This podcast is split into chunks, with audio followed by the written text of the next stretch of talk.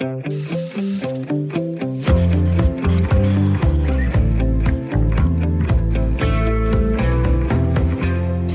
løbet af min tid på arbejdsmarkedet har jeg mødt både gode og dårlige ledere. Der har været de gode, der har set og anerkendt mine kompetencer, sat en klar retning og samlet mig og mine kolleger på et stærkt hold, både fagligt og socialt. Men så har der også været ledere, der har fået mig til at tvivle på mine egne evner. Dem, som ikke rigtig har været til stede.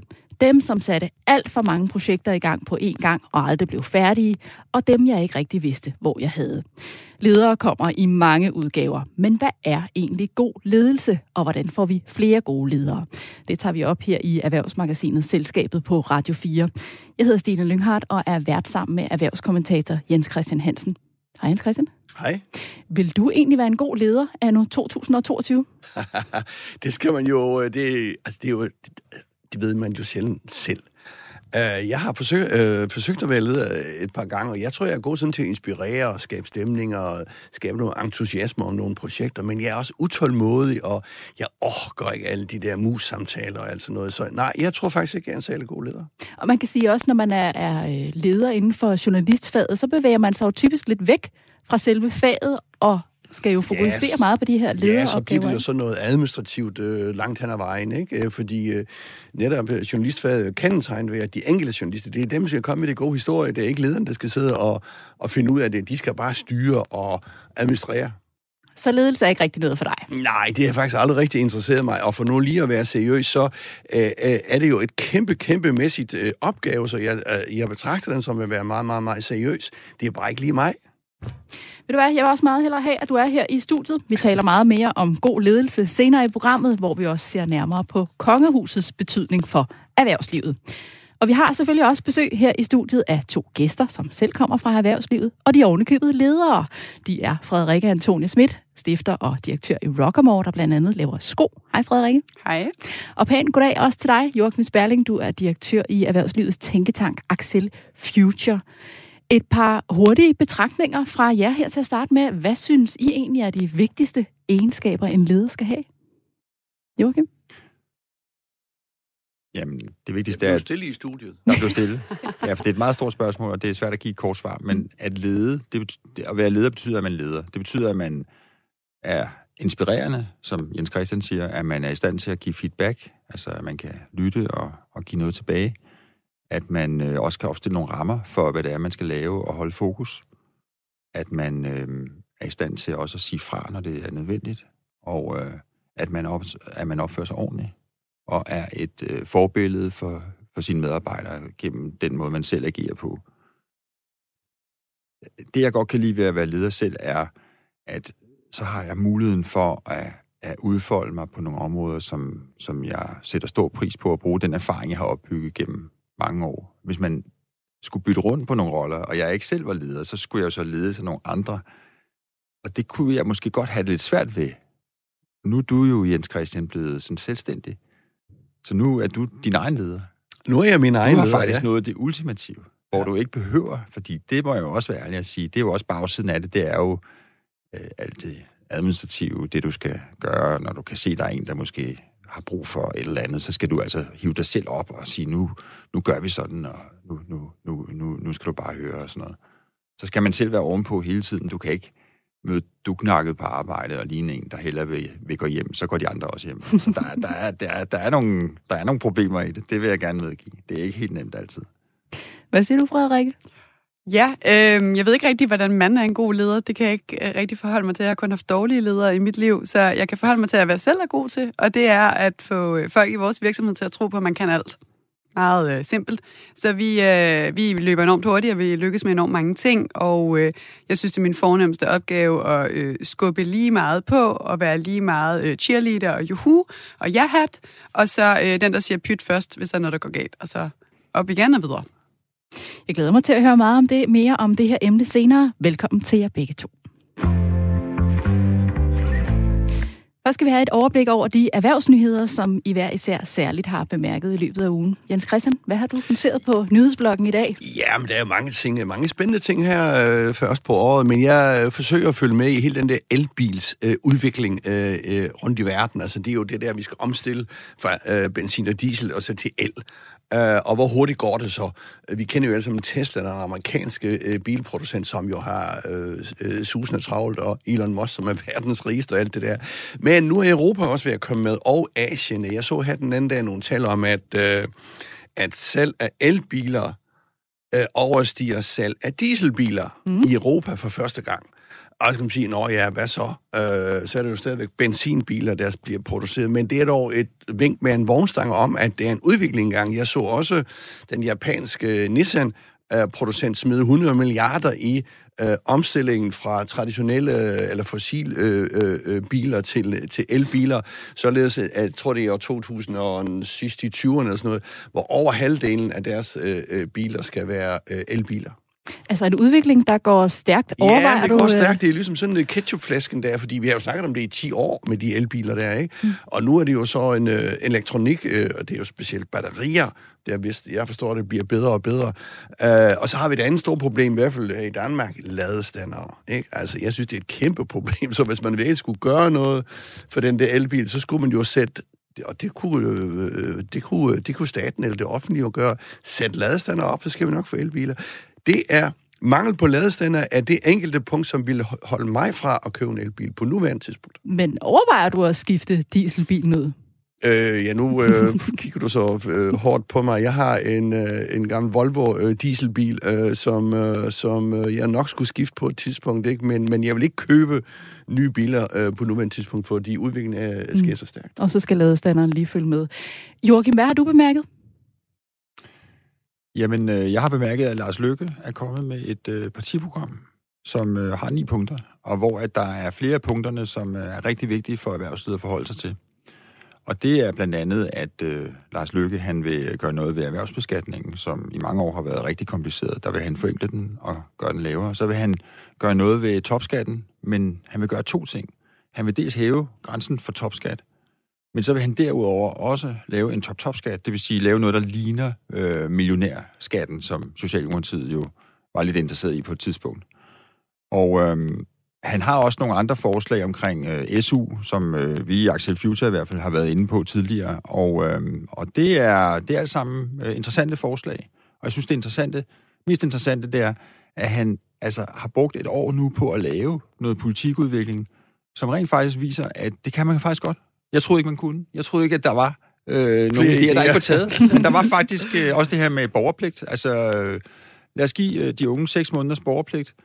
Det er der mange, der ikke kan lide, fordi de siger, jamen så bliver arbejdsudbuddet jo mindre, vi mangler hænder, og hvorfor, hvad, hvorfor skal vi det? Men det kan der være andre grunde end økonomiske til at gøre, som kan være udmærket, og som vi måske har brug for. Jeg tror, der vil være mange, der vil abonnere på det, og han har haft øh, rigtig god succes med at få lanceret budskaberne i øh, nogle af landets vigtigste aviser og tv-stationer. Og jeg tror, han får mange, øh, der stemmer på ham ved næste valg. Hvem tror du, at det vil appellere til? Jeg tror, altså midtervælgere, dem der stemmer på Socialdemokratiet, dem der måske er lidt trætte af Mette Frederiksen, dem der synes, at radikale øh, har haft lidt for meget sjov i gaden, og måske synes, at øh, nu, skal vi, øh, nu skal vi prøve noget nyt. Og så skal man ikke tage fejl af Lars Løkke, det er, han er en, en politisk motor øh, af den anden verden. Han har øh, en, en evne til at sætte en dagsorden. Man kan se det i de her partilederdebatter opmærksomheden vil, vil sådan automatisk samle sig omkring ham. Han er den, der ligesom har erfaringen. Han har været statsminister, han har været finansminister, han har været i politik igennem hele sit liv. Han er i stand til at sætte ord på nogle af de følelser, som danskerne har. Han er genial til at lodde stemninger.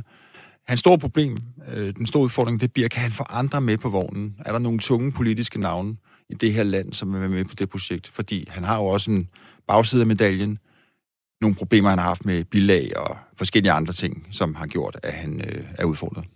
Jamen, det er ingen tvivl om, at han appellerer til brede, brede grupper. Han prøver jo at finde det der midtersegment. Der er jo ikke meget liberalt øh, i hans program mere, så det er det der midtersegment. Men jeg er enig med, med Joachim her. Jeg synes, han mangler øh, nogle navne. Altså Lars Rebien fra Novo var for et år ud at sige, at det var gode idéer, og pludselig så øh, troede folk, at han stillede op og sådan noget. Nej, nej, han øh, sagde sådan set bare, at idéerne var gode nok, og så så jeg her, at Peter Aalbæk fra Centropa, øh, den lidt øh, sjove øh, film, øh, filmproducent derude, øh, også øh, har meldt sig under fanerne.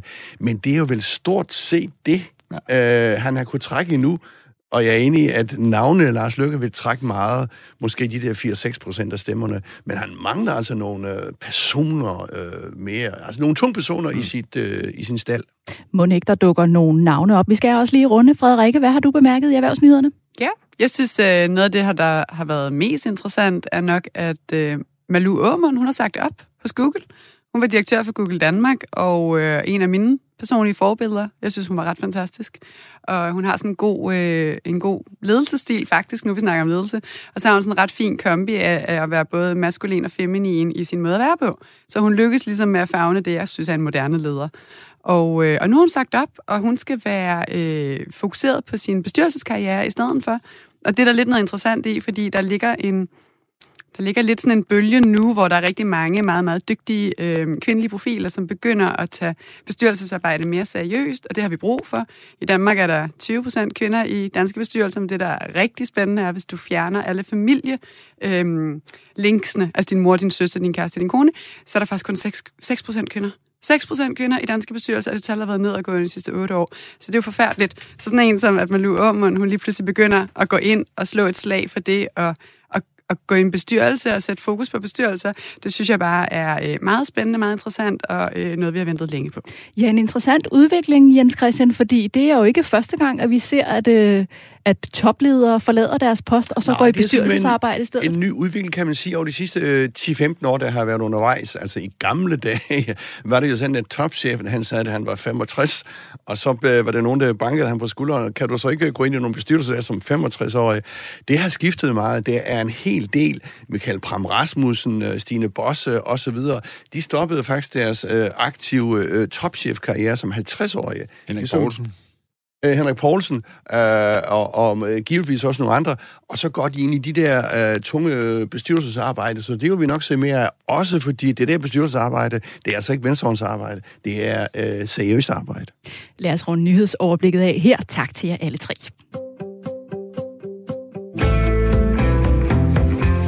Du lytter til Selskabet på Radio 4, hvor vi stiller skarp på ugens store erhvervsnyheder sammen med vores gæster, som kender erhvervslivet indefra. Jeg hedder Stine Lynghardt og er vært sammen med erhvervskommentator Jens Christian Hansen. Og vores gæster er Frederikke Antonie Schmidt fra Rockamore og Joachim Sperling fra Axel Future. Nu skal vi se på, hvilken betydning kongehuset egentlig har for dansk erhvervsliv. Lige for tiden er der flere store fejringer i kongehuset. I sidste uge havde dronning Margrethe 50 års jubilæum som Danmarks statsoverhoved, og i begyndelsen af februar er der endnu en rund fejring, når kronprinsesse Mary fylder 50 år. Men i løbet af et år har de kongelige jo også en række forskellige opgaver. For dronning Margrethe er de væsentligste at repræsentere Danmark udad til og være et samlingspunkt her i landet. Og hvis man ser på kongehusets kalender her i januar, så kan man se, at dronningen blandt andet skal tage imod nye ambassadører fra Kazakhstan, Nigeria, Singapore og Rwanda. Kronprins Frederik skal blandt andet uddele en iværksætterpris. Og så er der også nogle punkter, som er udsat. For eksempel skulle Ukraines udenrigsminister have været på besøg. Men kongehuset rejser jo også selv ud i verden. For eksempel var dronningen og kronprinsen i Tyskland i november sidste år, og i slut september, start oktober var kronprinsesse Mary i Litauen. Og på de her udlandsture er der typisk en eller anden form for erhvervsfremstød. Og spørgsmålet er, hvilken værdi det har. Jens Christian, jeg ved, at du har været på flere udlandsrejser med kongehuset. Kan du ikke prøve at fortælle lidt mere om de her rejser? Jo, altså det er jo sådan noget meget, meget, meget, meget fornemt noget. Altså det er jo sådan, altså hun er jo i princippet dronningen af vores statsoverhoved, og statsoverhovedet skal møde en anden statsoverhoved, og hvis det er en statsminister, så skal de møde en statsminister, og det er en minister. Så, altså det er sådan protokolagtigt. Så hvis, øh, hvis dronningen kommer, så er det rigtig fint og flot. Øh, så kan man så diskutere, hvor meget vi får ud af det. Det kan vi være, vi kan vende tilbage til. Men øh, ja, jeg har, øh, om jeg så må sige, været øh, sammen med folk fra kongehus, både i USA og i, øh, i Laos og i, øh, i Thailand, og det er meget forskelligt rundt omkring. Øh, nogle gange er det jo øh, tit, som du siger, øh, store erhvervsdelegationer, 10, 20, 30, 40 topchefer fra de store danske virksomheder med, fordi man tænker, det bryder øh, hvad skal man sige, det åbner døre, og så skal de jo så selv lave de forhandlinger. Men øh, så, øh, så nogle øh, store, øh, øh, hvad skal man sige, øh, øh, rejser, der, der er det tit nogle store middag og frokost, og så er det jo vigtigt, at øh, man bliver sat sammen med de rigtige der, så de kan skabe nogle kontakter. Og det tror jeg da også, det gør, men, øh, men øh, altså i et svagt øjeblik, øh, øh, tvivler jeg nu stærkt på, at... Øh, altså, man skal i hvert fald ikke overdrive betydningen af, at fordi kongehuset kommer, så, så øh, hokus pokus øh, automatisk, så stiger vores eksport. Jeg kunne godt tænke mig lige at prøve at høre lidt mere, fordi du siger det her med, at der er en masse virksomheder, der tager med. Hvad er det for nogle virksomheder, og hvordan foregår de her erhvervsfremstød, som man så forsøger på i udlandet? Jamen, det gør det jo sådan, at øh, for eksempel i, øh, i Thailand, som jo også er et, øh, et, et kongedømme, der, der er det jo helt op at køre. Altså, der er jo, det er virkelig stort. Mens i modsætning til USA, det bliver ikke registreret i USA, at øh, den danske dronning eller det danske kongehus er på besøg. Det kan man så undre lidt over, for amerikanerne er helt vildt med det engelske kongehus, ikke? Men lad det nu ligge. Jamen, det er jo sådan, at øh, så er det jo så virksomhedsbesøg, for eksempel, hvis det er ude i verden, og så kommer øh, chefen fra Grundfos, eller hvem det nu er, øh, også lidt mindre virksomheder, øh, og så får de kontakt til de der øh, pågældende. Altså, det er jo rigtig nok den første kontakt, øh, kan jo skabes på den måde, i modsætning til, hvis du rejser til Beijing, og så går ud og banker på døren, sådan som en uh, fuldstændig ukendt, så kan det være svært at komme ind. Så jeg anerkender da, at det kan være en visse døråbningsmuligheder i det, uh, men, men uh, jeg tror ikke, det flytter noget på uh, vores uh, handelsbalance for alvor. Det tror jeg ikke på. Men, ikke det alene i hvert fald. Men det er noget med, at man som virksomhed kan komme ud og ligesom få, få skabt den her forbindelse, ja, blive præsenteret for nogen. Og, og hvordan udvælger man, hvem der er med? Er der ligesom et tema på den her tur, hvad ja, det handler det om? Er jo så, nu er vi jo meget glade for vores øh, kongehus herhjemme, og det er jo også fint og godt alle sammen. Ikke? Og øh, alle erhvervsledere og alle de store virksomheder er helt vilde med kongehuset, fordi kan man, kan man komme op og få en titel som kammerherre, eller jeg ved ikke, om det hedder kammer herinde, eller hvis det er en kvinde. Øh, det er ikke engang klar over. Men, øh, men alle de der store virksomheder, Danfoss, Grundfos, de behøver, og Lego, øh, Mærske, de behøver jo ikke, de kan selv, de behøver ikke kongehuset. Det er noget for deres egen fornøjelses skyld, er min påstand. Øh, så, øh, så man hægter sig på øh, sådan nogle erhvervsdelegationer, betaler selvfølgelig selv, men det er en statslig, altså det er sådan det officielle øh, hvad skal man sige, det officielle øh, Danmarks er, der er på besøg, og så hægter man sig på der, ikke? Kan du huske helt konkret, at der er nogle situationer, hvor at, øh, at der er blevet skabt nogle gode erhvervsmæssige relationer, som, øh, som har ført til noget videre? Nej, jeg har aldrig hørt om det. Uh, jeg har aldrig hørt om en direkte ordre, der bliver underskrevet uh, der. Men som sagt, jeg, jeg, jeg underkender det ikke helt, men altså... Det, det... Nej, det er svært at være stille nu. Hold nu op. Ja, okay. Ja, du er helt uenig. Ja, du er helt uenig, det er super fint. Altså, jeg er... Uh, Øh, jeg er ikke, øh, hvad hedder det, republikaner. Jeg synes, det er et kongehus, det er fint og godt, men det er mest for vores egen skyld herhjemme. Det må vi høre noget mere om, Frederik. Nu er det dig. Du har nu er det dig, du skal tage Åh, ja, så skal jeg øh, formulere mig politisk korrekt her. Øh, jeg, tager, jeg er jo branding-menneske. Jeg synes, branding er pisse fedt, og alt det, der er spændende ved branding, det er jo værdier og personligheder. Og det, man køber ind i, er jo et menneskes værdier og personligheder.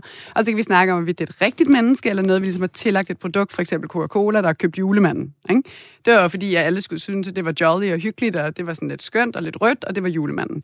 Øhm, på samme måde har Chanel jo købt Kate Blanchett til en eller anden ny parfume, og så har vi nogle følelser omkring den her parfume, fordi Kate Blanchett er den, der har den på, og den, der markedsfører den. Dronningen er jo helt basalt sagt den, der markedsfører Danmark. Hun er jo den, der repræsenterer vores værdier uden for Danmark. Hun er jo vores branding-person. Der er jo ikke nogen, der kan forholde sig til sådan et lille lorteland deroppe langt fanden i vold, som ikke har noget med resten af verden at gøre. Du siger selv, USA ikke lægger mærke til os, men i det mindste ved de, hvem dronning Margrethe er. De ved, at vi har et kongehus. De ved en lille bitte om, hvad vi står for. Og hvad betyder det, Frederik, at de lige ved den lille bitte fli af, hvem vi er? Det betyder, at danske øh, småkager kan sælges i hele verden. Det betyder, at dansk øh, mælk, øh, mælkeerstatning til øh, nyfødte kan sælges som det største produkt fra Kina i, i Kina fra Danmark. Øh, jeg bliver helt sådan, brrr, fordi jeg skal forsvare kongehuset, men øh, jeg skal nok prøve at trække vejret også. Det betyder, at danske virksomheder lige pludselig har et holdepunkt, vi har en basis, vi har noget, vi kan starte på. Der er et stepping stone, der er lagt. Hvis vi startede fra scratch, så ville det være meget sværere for os at starte en samtale, for vi skulle starte med at snakke om, hvem er Danmark? Hvad står Danmark for? Det ved nogen nu.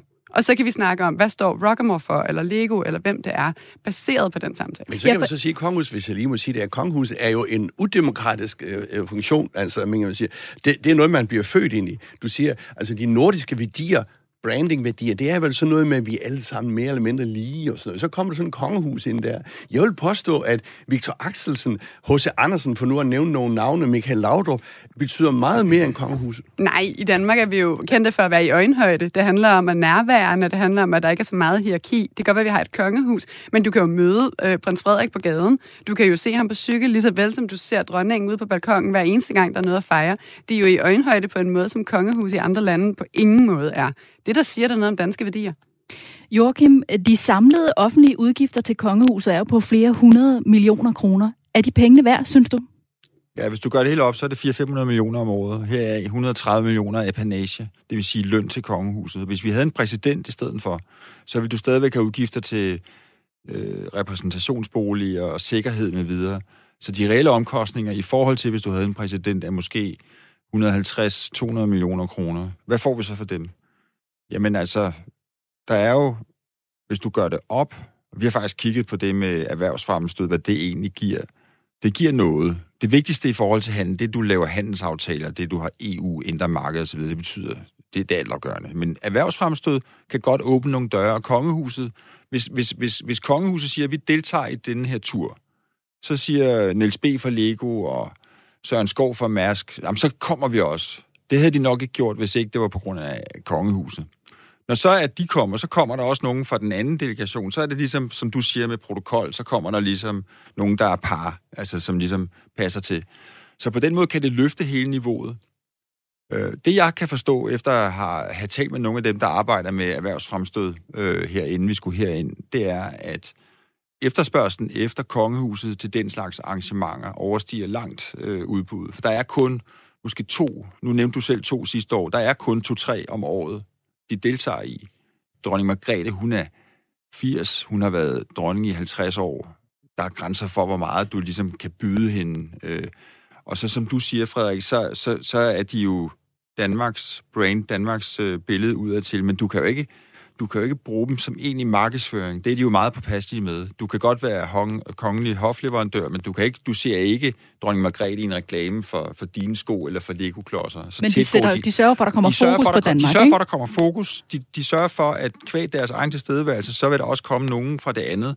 Man kunne for eksempel forestille sig, at hvis Danmark skulle sælge en stor vindmøllepark, så kunne det da godt være en fordel, hvis dronningen var der og det andet lands øh, statsminister eller øh, overhovedet var der, og at man ligesom fik løftet det hele, og der ligesom blev en stemning, og, og nu skriver vi sgu under, ikke?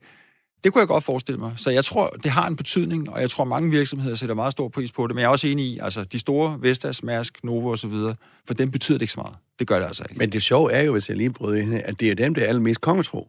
Og hvorfor? Og nu, øh, nu, øh, nu skal jeg lige have Frederik ind her senere. altså, hvad er det Danfoss, øh, Lego, øh, Grundfos og hvad de hedder alle sammen? De vil være kammerherrer. Man bliver kammerherre, altså. Ja, eller også altså, man kan blive kammerherre. Et ridderkors. Jeg tror, kammerherre, det, det er nok... Ja, du har jo en 5-10 stykker af dem der, der ja, er kammer, det er kammerherre, ikke? Eller et kors og, og bånd og stjerner på, ikke? Og det er jo også fint og godt og, øh, alle sammen. Men de, de har jo ikke brug for det, de der øh, virksomheder, som vi snakker om. Nej, det har de de kongelige taler jo også øh, offentligt om emner, som har betydning for erhvervslivet. Vi så for eksempel dronningen tale om klimaet i sin nytårstale. Hun sagde blandt andet, at når olie og kul forurener vores klode, så må vi udvikle bedre kilder til energi. Er det vigtigt, at de kongelige går forrest, for eksempel i forhold til den grønne omstilling, hvis vi gerne vil forandre noget? Hvad synes du, Frederik? Jeg synes i hvert fald, der ligger noget vigtigt i, at kongehuset ikke må være politisk. Og øh, man kan se det med klima, man kunne også se det under corona, dengang dronningen gik på skærmen og sagde, nu skulle vi opføre os ordentligt. Det der med, at der kommer et, et overhoved, der kommer en person, der repræsenterer noget, vi alle sammen kan forholde os til, om vi så har støtte af kongehuset eller ej, så er vi i hvert fald vokset op med dem. Og de kan samle befolkningen på en helt anden måde, end jeg mener, at politiske ledere kan. Så hvis hun kommer og siger, at nu skal vi kigge på noget grøn energi, og vi skal snakke om bæredygtighed mere bredt, eller vi skal være dygtigere generelt, det er jo selvfølgelig noget, vi alle sammen har arbejdet på i årtier, men det gør noget, når dronningen sætter fokus på det. Det gør noget for alle de lidt mindre virksomheder, for alle dem, der ikke har været fælles om missionen. De får måske lige en chance til at tænke sig om en gang til, fordi det er ikke kun et politisk spørgsmål, nu er det et menneskeligt spørgsmål. Og det synes jeg, hun er enormt god til at sætte fokus på. Jeg kan huske for mange år siden nu i en, i en tale, på det der med, at hun siger og signaler og sådan noget, der sagde hun, jeg kunne ønske mig, at det var lidt højere til loftet, og det var øh, en diskussion, øh, 10 år siden, tror jeg det var. Øh, det var sådan en diskussion om øh, vores forhold til andre mennesker i Danmark, altså indvandrere og sådan noget der, ikke? Og hvad er det sket lige siden, det er blevet værre og værre? Jamen, det er jo ikke dronningens skyld, og det Nej, var tageligt ikke, at slutte med den, for jeg har Min ikke mere point- taletid. Mit point er sådan set bare, at det ikke betyder så meget. Det var et kig på den betydning, kongehuset har for dansk erhvervsliv. Hvis du endnu ikke har hørt den podcast-serie, som Radio 4 har fået lavet om dronningen, så kan du nå det nu. En varm anbefaling herfra, den hedder kort og godt Margrethe.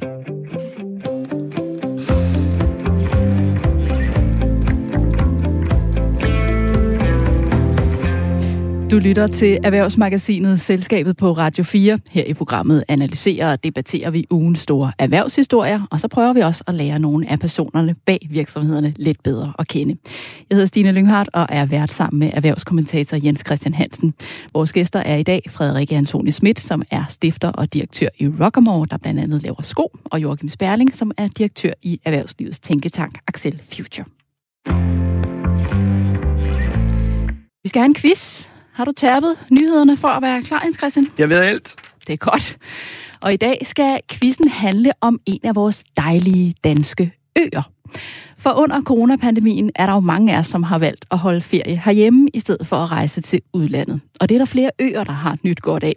Og det har også givet et ekstra boost til øturismen, at der har været nogle politiske sommerpakker de sidste par år, som har betydet, at man har kunne rejse gratis med færgerne. Og det er der en del, der har benyttet sig af. Faktisk har en af de her færgeruter aldrig før oplevet så mange biler og passagerer, som de havde i 2021. Sidste år blev der solgt over 1,9 millioner ture til og fra den her ø, skriver TV2 på baggrund af en pressemeddelelse fra Molslinjen. Men spørgsmålet er, hvilken ø det er.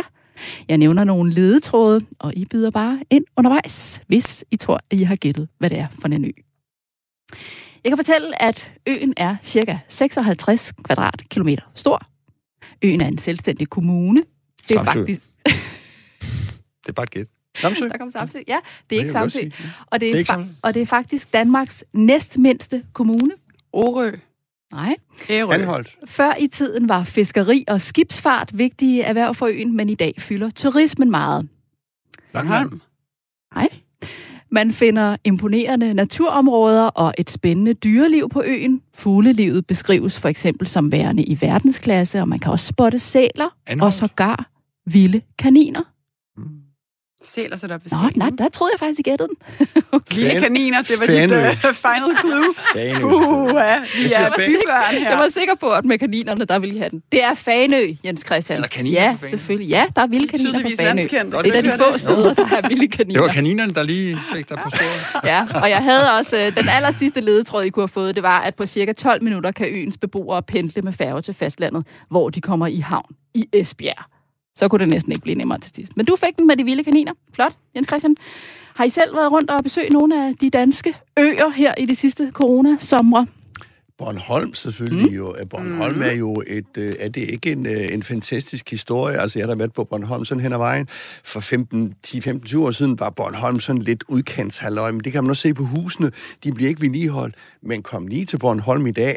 Uh, landbrugsejendom og byerne, de, er jo, de står jo fuldstændig skarpe, så det er jo hipt. Øh, være på- de har restauranter i, øh, i topklasse derovre, så, så Bornholm er var øh, vel en, øh, en, et super dejligt eksempel på, at det kan lade sig gøre. Ja, og det betyder vel også noget for erhvervslivet, fordi det er jo ikke nødvendigvis alle beboere, der synes, det er lige fedt, at der kommer helt vildt mange turister. Men, men det betyder vel noget for erhvervslivet, ikke sandt?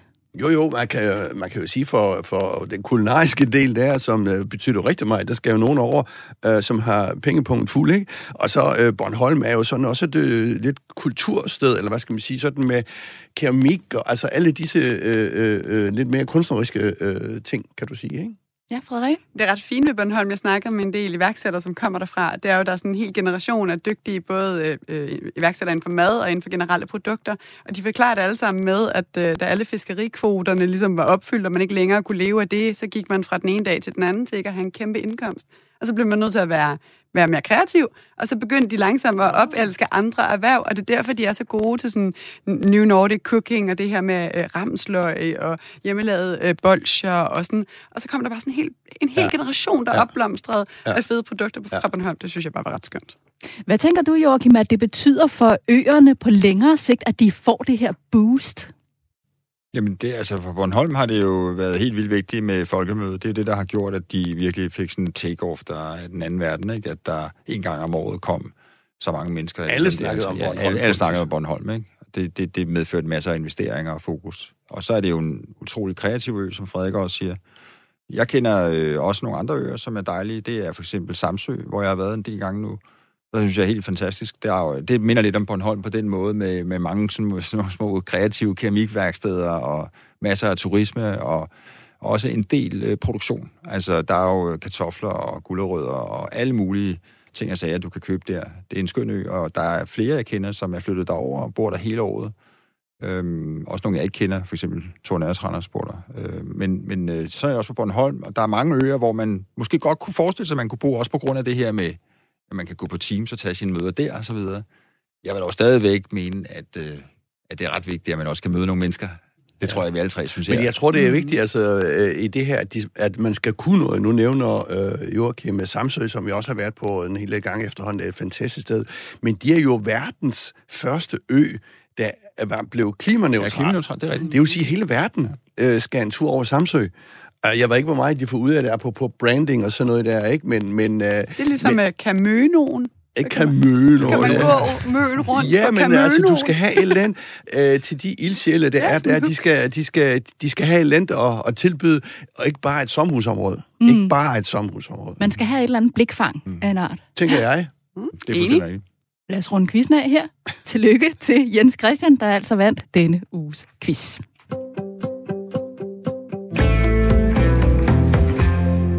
Nu skal vi tale om, hvad der egentlig er god ledelse. For i sidste uges program, der sagde Pia Torik, som er headhunter og medejer af Ingvartsen Partners, at bedre ledelse kan være en del af løsningen i en tid, hvor der er mangel på arbejdskraft i flere brancher, og der er rift om de ledige. Lad os lige prøve at høre et klip fra sidste uge. Hvad gør vi med de udfordringer, vi står med lige nu? Vi arbejder med bedre ledelse. Der er ingen tvivl om, at uanset hvilke statistikker man kigger på, så er der mange mennesker, der forlader en arbejdsplads, fordi der er dårlige ledere. Mm. Så hvis jeg var virksomhedsejer, eller kapitalfond, eller jeg var et sted, som skulle investere mine penge i nogle virksomheder, så vil jeg sige til HR-afdelingen, må jeg se, hvordan jeres øh, ledelseskvalitet er? Må jeg, må jeg få nogle engagementsmålinger, fordi altså den omsæt, medarbejderomsætningshastighed, hvis du kan få brugt, bragt den ned, så allerede der skal du i hvert fald ikke ud og lede efter arbejdskraft. Jens Christian og jeg synes, at Pias pointe var interessant, og derfor vil vi gerne gå mere i dybden med, hvad god ledelse så egentlig er, og hvordan man kan blive en bedre leder.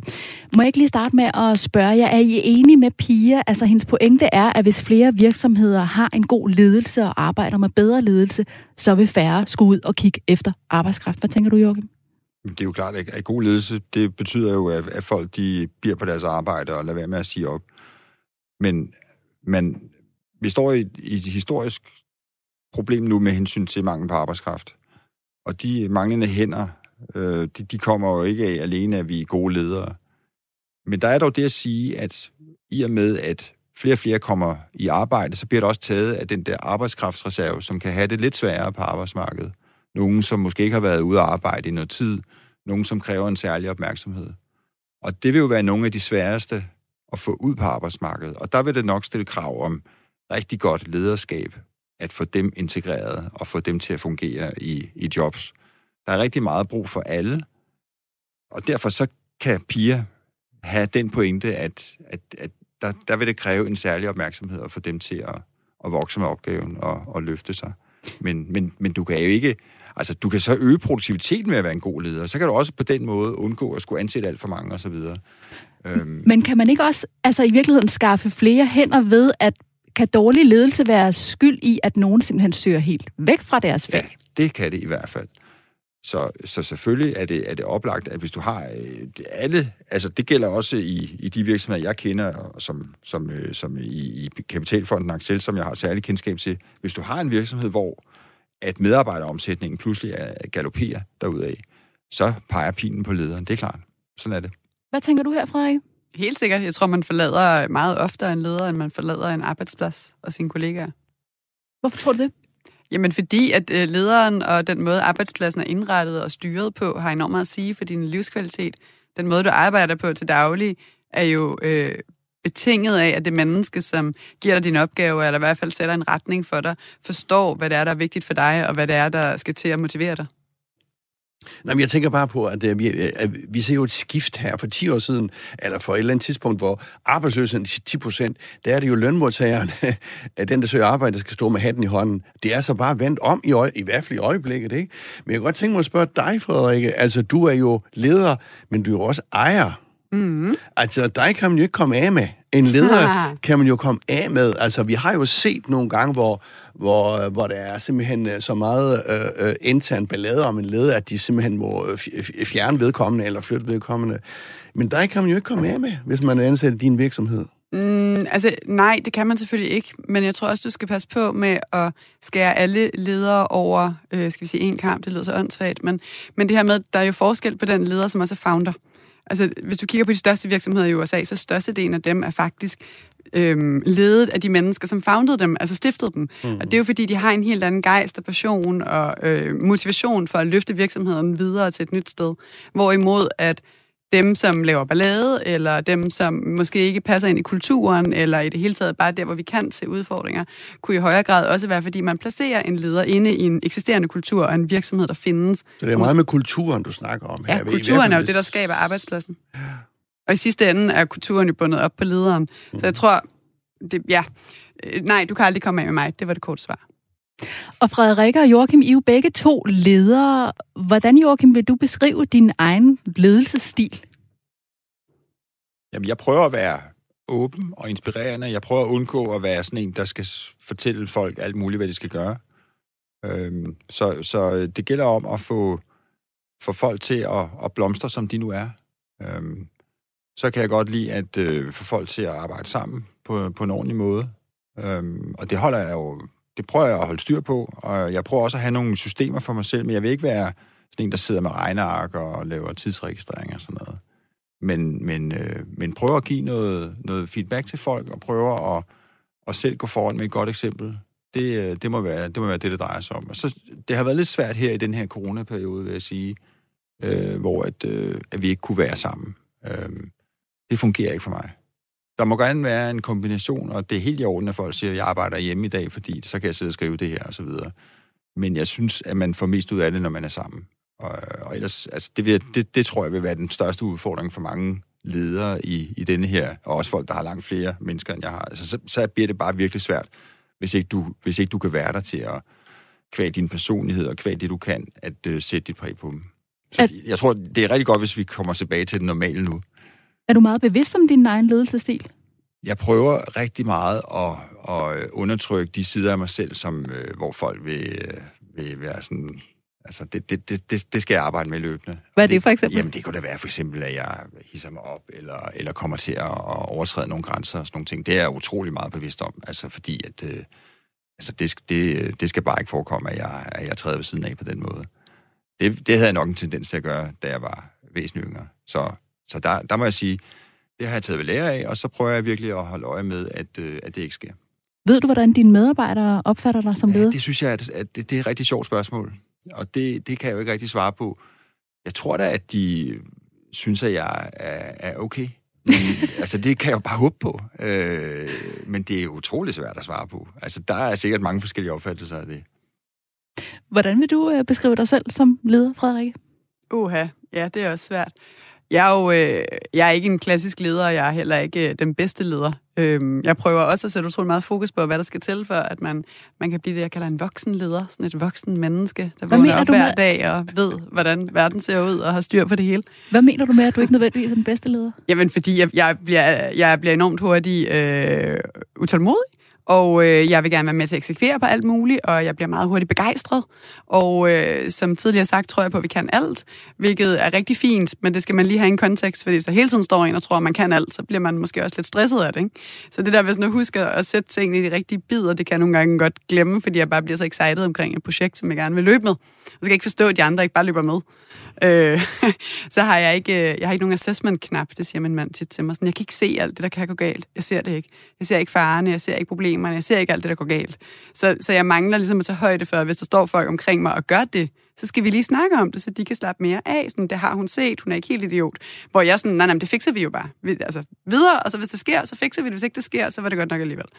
Så, så øh, derfor er jeg nok ikke den bedste leder, men jeg har et ret godt team. De er mega cool, og øh, de er alle sammen castet til at nærmest være deres egne små iværksættere. Så hver fordi vi er så lidt et hold, ikke? så hver, der er ansat hos mig, har ligesom deres egen afdeling, og nærmest bare iværksætter inden for det felt, for de skal selv finde ud af alt inden for det felt.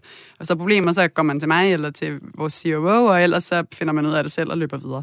Og man får aldrig skal ud for at have lavet noget. Øhm, man får højst at vide, at du skal lave noget andet, eller gøre det anderledes. Så vi, er meget sådan, vi prøver meget at motivere til bare at komme videre hurtigt afsted. Det er sådan, man flytter. Det lyder også, som om I begge to er ret bevidste om jeres egne svagheder. Er det i virkeligheden også et vigtigt træk som leder? Ja, for pokker. Man skal være ydmyg, og så tror jeg, man skal tro på, at, øh, at man aldrig er færdig med at blive leder. Og så skal man... Jeg bruger meget energi på at afdække, hvad jeg er god til og hvad jeg er dårlig til, og så prøver jeg at finde løsninger på alt det, jeg er dårlig til. Der er noget, jeg kan fikse ved mig selv, der er noget, jeg kan blive bedre til, der er rigtig meget, jeg ikke kan. Øh, derfor har jeg en rigtig dygtig CEO, der hedder Jens, der han kan alt det, jeg ikke kan. Så jeg sådan prøver at finde de der steder, hvor jeg kan se, at det her det er en blind vinkel, og det, det kommer aldrig til at ske, at jeg bliver bedre her. Så hvordan dækker jeg den blinde vinkel og sørger for, at virksomheden ikke lider under det? Hvor meget arbejder du med din lederrolle, Joachim? Jamen, det, jeg går meget og tænker over det. Jeg er gift med en, som, som har et stort lederjob, og hun, øh, hun, har, hun giver mig nogle tips. Så har jeg så øh, øh, en, øh, et formandskab i, i bestyrelsen, som, som jeg kan kontakte, og det gør jeg løbende, når jeg er i tvivl, for det er jeg jo tit. Men det er jo ikke så godt, hvis jeg kommer på arbejdet og sidder med, med de folk der, og så ikke rigtig øh, har en løsning. Altså, det, der må man gerne fremstå som om, at man er den der klippe. Så det er, det, det, det er vigtigt for mig at, at, at ligesom fremstå øh, nogenlunde øh, tjekket, når jeg møder ind og skal snakke med de andre om, hvad vi skal. Fordi hvis ikke jeg gør det, så vil de jo bare sådan være rundt på gulvet også. Ikke? Og det går ikke. Men kan de ikke selv udstikke en retning? Det er lidt interessant, det der med, at Jo, du altså, mener, at du skal det- udstikke jamen, retningen. Det, det, det gør jeg jo heller ikke øh, sådan øh, hver dag, men altså, det er klart, vi har jo nogle, nogle ting, vi laver, hvor vi skal, hvor vi skal finde en løsning og komme videre, øh, også inden for rammerne af det, de nu sidder og laver. Der, der, må, der må det gerne være sådan, at, øh, at de selv kan finde ud af det, og hvis de kan det, så skal vi jo ikke øh, bruge tid på det, men hvis der er noget tvivl, så bliver jeg jo nødt til at være den, der måske skal igennem, træffer en beslutning og sørger for, at vi kan komme videre. Ja, okay. Men der er forskel på det der med at være en stærk leder eller en sårbar leder, det her med at vise Ja. sårbarhed, Ja, og i det hele taget inddrage Ja, dem, der er omkring dig i, Men, i, men i når løsningen. tingene ikke fungerer, og det kan de mærke på mig, så er jeg også ærlig omkring det. Så prøver jeg at være ærlig omkring det. Det synes jeg også er svært. Det er jo ikke sjovt at komme tilbage og sige, at det her, det, det gik sgu ikke. Og det er altså, i min branche, vi skal jo have penge for alle mulige forskellige. Og det er jo ikke altid, man får ja. Det kan jeg lige så godt afsløre. Så der er nogle ting, man er nødt til at bare være ærlig omkring. Jamen, altså lidt i forlængelse af det. Altså, en god leder for mig, det er en, der tør ansætte nogen, der er dygtigere end ham, hende selv. Uh, det synes jeg er meget vigtigt. Uh, og så synes jeg lige, vi skal vende de der mus-samtaler, eller uh, hvad de nu hedder. De hedder forskellige ting rundt omkring. For der, hvor jeg har været, der har det også været, i de samtaler, der skal du evaluere dine ledere. Uh, altså, så er det jo en tilbage, uh, hvad hedder det, en feedback på, uh, hvordan du er som leder, ikke? Uh, jeg er ikke tilhænger af de der mus-samtaler, fordi jeg synes, det er noget af HR-afdelingerne uh, sådan uh, belaster med, men jeg anerkender jo selvfølgelig meget, uh, som jeg starter med at sige, at ledelse er sindssygt vigtig. Jeg synes bare, det bliver for meget administration og for meget byråkrati i alt det der. Det var, da jeg var en dårlig leder. Jeg orkede ikke de der mus-samtaler. Hvis du lige har tændt for radioen, så er du landet midt i Radio 4's erhvervsmagasin Selskabet på Radio 4, og vi taler om, hvad der er god ledelse, og hvordan man kan blive en bedre leder. Jeg hedder Stine Lynghardt og er vært sammen med erhvervskommentator Jens Christian Hansen, og vores gæster er Frederikke Antoni Schmidt, som er direktør i Rockamore, og Jorgen Sperling, der er direktør i Axel Future. Og nu skal vi en tur ud på gaden i København. Vi har nemlig spurgt en række danskere, hvad de synes er god og dårlig ledelse. Prøv lidt med her. Hvad kendetegner en god leder? Det er en, som der er empatisk, men også kan udstikke retning. En, der har styr på det. En, der altid har godt humør, og en, der ikke er sur og tør. Det smitter af på sine medarbejdere. En god leder, det er en, der er lyttende, det er en, der er nysgerrig. Jeg tænker i hvert fald en, der sætter et godt eksempel. Det er godt, hvis der er sådan fleksibilitet og tålmodighed, så man kan rumme mange forskellige slags mennesker. Um, han skal lyde til problemer og um, være klar til at finde en løsning. Og ja, at man er på øjenhøjde, siger man det, ikke? Ja. En god leder for mig skal være en, som øh, jeg, kan, jeg kan stole på, som jeg føler har et godt øje for, hvordan sociale interaktioner fungerer på en arbejdsplads. Men skal selvfølgelig også være en, der kan sit kram og, og kunne de reelle opgaver, der skal til. Hvad kendetegner så en dårlig leder? Dårlig kommunikation, tror jeg, er den største faldgruppe, en leder kan falde i. Enten ikke at være god nok til at afstemme med sine medarbejdere, hvad man forventer af dem, eller også simpelthen ikke at kunne sige ting på en ordentlig eller en pæn måde. Kæft, trit og retning. En leder, som uh, trumler. En leder, som ikke giver plads. En leder, som ikke lytter til nogen, der er klogere end ham selv, for en leder er ikke nødvendigvis den klogeste i organisationen. Han ikke har styr på sit shit. Ja. Og en, som tror, at deres ord er ret.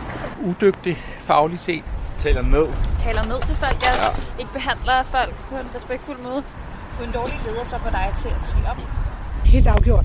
Ja, 100 procent. Det vil jeg godt tro. Okay, har du oplevet, at en god leder har fået dig til at blive et job? Det er helt sikkert. Her hvor jeg er nu. Han er en god leder. En gammel mand, der har styr på det, men øh, han er en god leder. En moderne leder skal kunne mange ting. Man skal både være dygtig til alt det menneskelige, relationerne, det sociale, samtidig med, at man skal kunne sit kram og være god til at kommunikere. Og så skal man kunne lytte til dem, der er klogere end en selv, som du også var inde på, Jens Christian. Det er mange krav. Kan man det hele på én gang som leder? Nej, og jeg tror da også, det er noget, der skifter med tiden, kan man sige. Øh, før i tiden havde man noget, der hedder Management by Fear, øh, som jo Danske Bank øh, praktiserede i mange år, og det gik jo rigtig, rigtig, rigtig godt. Det var sådan meget hierarkisk bygget op, men det var en tid, hvor man ligesom helst ville have den der stenansigt siddende op i toppen, og man frygtede lidt vedkommende sådan kan du ikke lede i dag overhovedet. Øh, for nu at blive lidt i floskelverden, er det vel sådan noget med management by walking around. Uh, around. Altså man går rundt, og uh, det var egentlig nævnt empati her, som jeg uh, synes det er jo et svært ord at forholde sig til, fordi en leder skal vel både være straight, uh, content og, og, og, og klar til at sætte nogle retningslinjer, men vil også være empatisk. Altså hvis den Øh, enkelte medarbejdere har det dårligt, eller, altså man skal jo ikke være psykolog, det er ikke det, jeg siger, men man skal ligesom være fintfølende, hvordan det går i sådan nogle, i sin organisation, uanset om du så har fem medarbejdere, eller øh, 100 eller 1000 for så vidt. Skal vi lige prøve at runde nogle af de ledere, som er rigtig dygtige? Er der nogen, du har noteret dig, Jens Christian? Jamen, så vil jeg nævne to, som jeg selv har oplevet. Og den ene, det er Bodil Nybo Andersen, hvis det er nogen, der kan huske hende. Hun er tidligere nationalbankdirektør, øh, men hun var også direktør i den bank, jeg var i i min øh, tidligere karriere. Hun var bankdirektør i Andelsbanken, og jeg sad så i direktionssekretariatet der. Og øh, hun var godt nok en super stærk leder. Altså også empatisk, når det var, men også hård, når det skulle være. Øh, en anden en i en helt anden boldgade. Det er en chefredaktør, Jørgen Eibel, tidligere på Jyllandsposten, som, øh, hvor jeg kom over på et tidspunkt, øh, som, øh, som bar os journalister frem til at ja, øh, knokkel røven ud af bukserne. Øh, altså det der med, at du har din, din, din leder, din ryg øh, som, øh, som medarbejder, altså fri, øh, fordi du har den totale opbakning bag din leder. Altså, bare gå efter det, ikke? Altså, det var... Det er sådan to af dem, som... Øh, og hvis jeg skal gå lidt udenfor, så vil jeg sige sådan en som Henrik Poulsen har jo ligesom kunne flytte nogle ting ud i Ørsted. Uh, tidligere direktør i Ørsted, det store energiselskab, ikke? Uh, altså, der, altså, han fik hele organisationen med sig i den der, uh, hvad skal man sige, hvor du skulle flytte uh, Ørsted fra en sort virksomhed til en grøn virksomhed. Det er så nogle af dem, jeg vil nævne. Er der flere, I vil supplere med? Jamen altså, jeg, jeg, øh, jeg har stor fornøjelse af at kunne trække på, på Lars Munk, som øh, også er inden for din branche, Jens Christian, som er en dygtig leder, en man kan stole på, og en man kan virkelig spille bold med. Og mange Hvor er det nu lige, han er han? Jamen, Lars Munk er bestyrelsesformand i, i Politikens Hus. Øhm, jeg ved ikke, om det stadigvæk er, altså JB-politikken, der, der, der var lidt forvirring. Det har været lidt bedre. Jo, han er lidt, stadigvæk direktør. Han er stadig ja, formand, formand, formand, formand, formand for bestyrelsen. Han er også formand for Luciana, og han sidder i en række bestyrelser. Øhm, og det, det, er, det, det, det er en mand, man kan stole på, og det synes jeg er rigtig vigtigt. Øh, så må jeg også fremhæve sådan en som Niels B. Christiansen, også en dygtig leder, som jeg selv har mødt en del gange. Han har været formand for Axel i sin tid. Utrolig kompetent, stor strategisk overblik, øh, ved, hvad han taler om, og tillidsvækkende. Og, og han har vel alle de, øh, de øh, lederegenskaber, som, som man skal have øh, som, som, som en topleder. Men du har også nævnt en del af dem. Hvordan får vi flere gode ledere, Frederikke? Uha, pokkers os. Og kvindelige ledere, øh, faktisk. Dem kunne vi også godt ja. bruge nogle flere af. Åh, oh, så skal vi lege med køn igen. Ah. Ja. øhm, hvordan får vi flere gode ledere? Jeg tror i hvert fald, det er vigtigt, at vi begynder at have plads til, at man kan være leder på mange måder. Så det her med at kunne rumme øh, de forskellige typer lederskab. Det også, øh, jeg prøver i hvert fald selv meget at snakke om, hvad jeg synes, jeg er god til, og hvad jeg synes, jeg er dårlig til, at være åben omkring det. Og jeg synes, der er øh, forskel på den måde, som både mænd og kvinder er ledere på, hvis vi skal snakke om køn, men også bare, hvad det er for nogle organisationer, altså hvor man er leder henne. Der er forskel på, hvad for en leder du har brug for i, i Lego og i Danske Bank og øh, i min virksomhed. Og det synes jeg, vi skal være bedre til at snakke om, så vi kan få sådan et bredere spektre, så flere mennesker kan føle sig tiltrukket af at være ledere, fordi det faktisk også kunne være noget for dem. I, i mange år har det ligesom været en låst situation, hvor det er én kasse, og alle skal kunne passe ned i den kasse, og gør du ikke det, så er du ikke en leder. Mm. Hvad ja. tænker du, Jens Christian? Jamen, jeg kom bare til at tænke på det, øh, i mange brancher tror jeg, det er sådan, at hvis du er fagligt dygtig, øh, og så stiger du jo lidt i hierarkiet, så skal du også pludselig være leder. Men sådan er det jo ikke. Nu kommer jeg fra medieverdenen, og jeg kan godt nok lave mange eksempler, dårlige eksempler på fremragende øh, journalister, som kunne grave og skrive og alt muligt, men som bare ikke kunne lede. Må jeg ikke lige nævne en anden ting, som øh, jeg tror, du var lidt inde på det, Joachim, det der med, hvis man skal have flere fra kanten af arbejdsmarkedet med, det er også noget af det, som du nævner, Frederik, så skal man kunne nogle andre ting. Altså, du skal ikke bare finde en eller anden genstand, du kan sætte hen foran en maskine. Altså, hvis du skal have nogen fra kanten af arbejdsmarkedet, så skal du kunne rumme øh, flere, hvad skal man sige, sociale øh, øh, færdigheder, hvis man kan sige det sådan. Lad os håbe, at der kommer endnu flere gode ledere derude i de kommende år til gavn for både virksomheder og medarbejdere. Vi skal til at runde programmet af for i dag. Tak til både Frederikke Antoni Schmidt, som er stifter og direktør i Rockamore, og tak til Joachim Sperling, som er direktør i Erhvervslivets Tænketank Axel Future. Jens Christian, du er her selvfølgelig igen næste onsdag. Absolut. Det glæder jeg mig til. Programmet her var produceret af Beam Audio Agency for Radio 4. Tak fordi du lyttede med.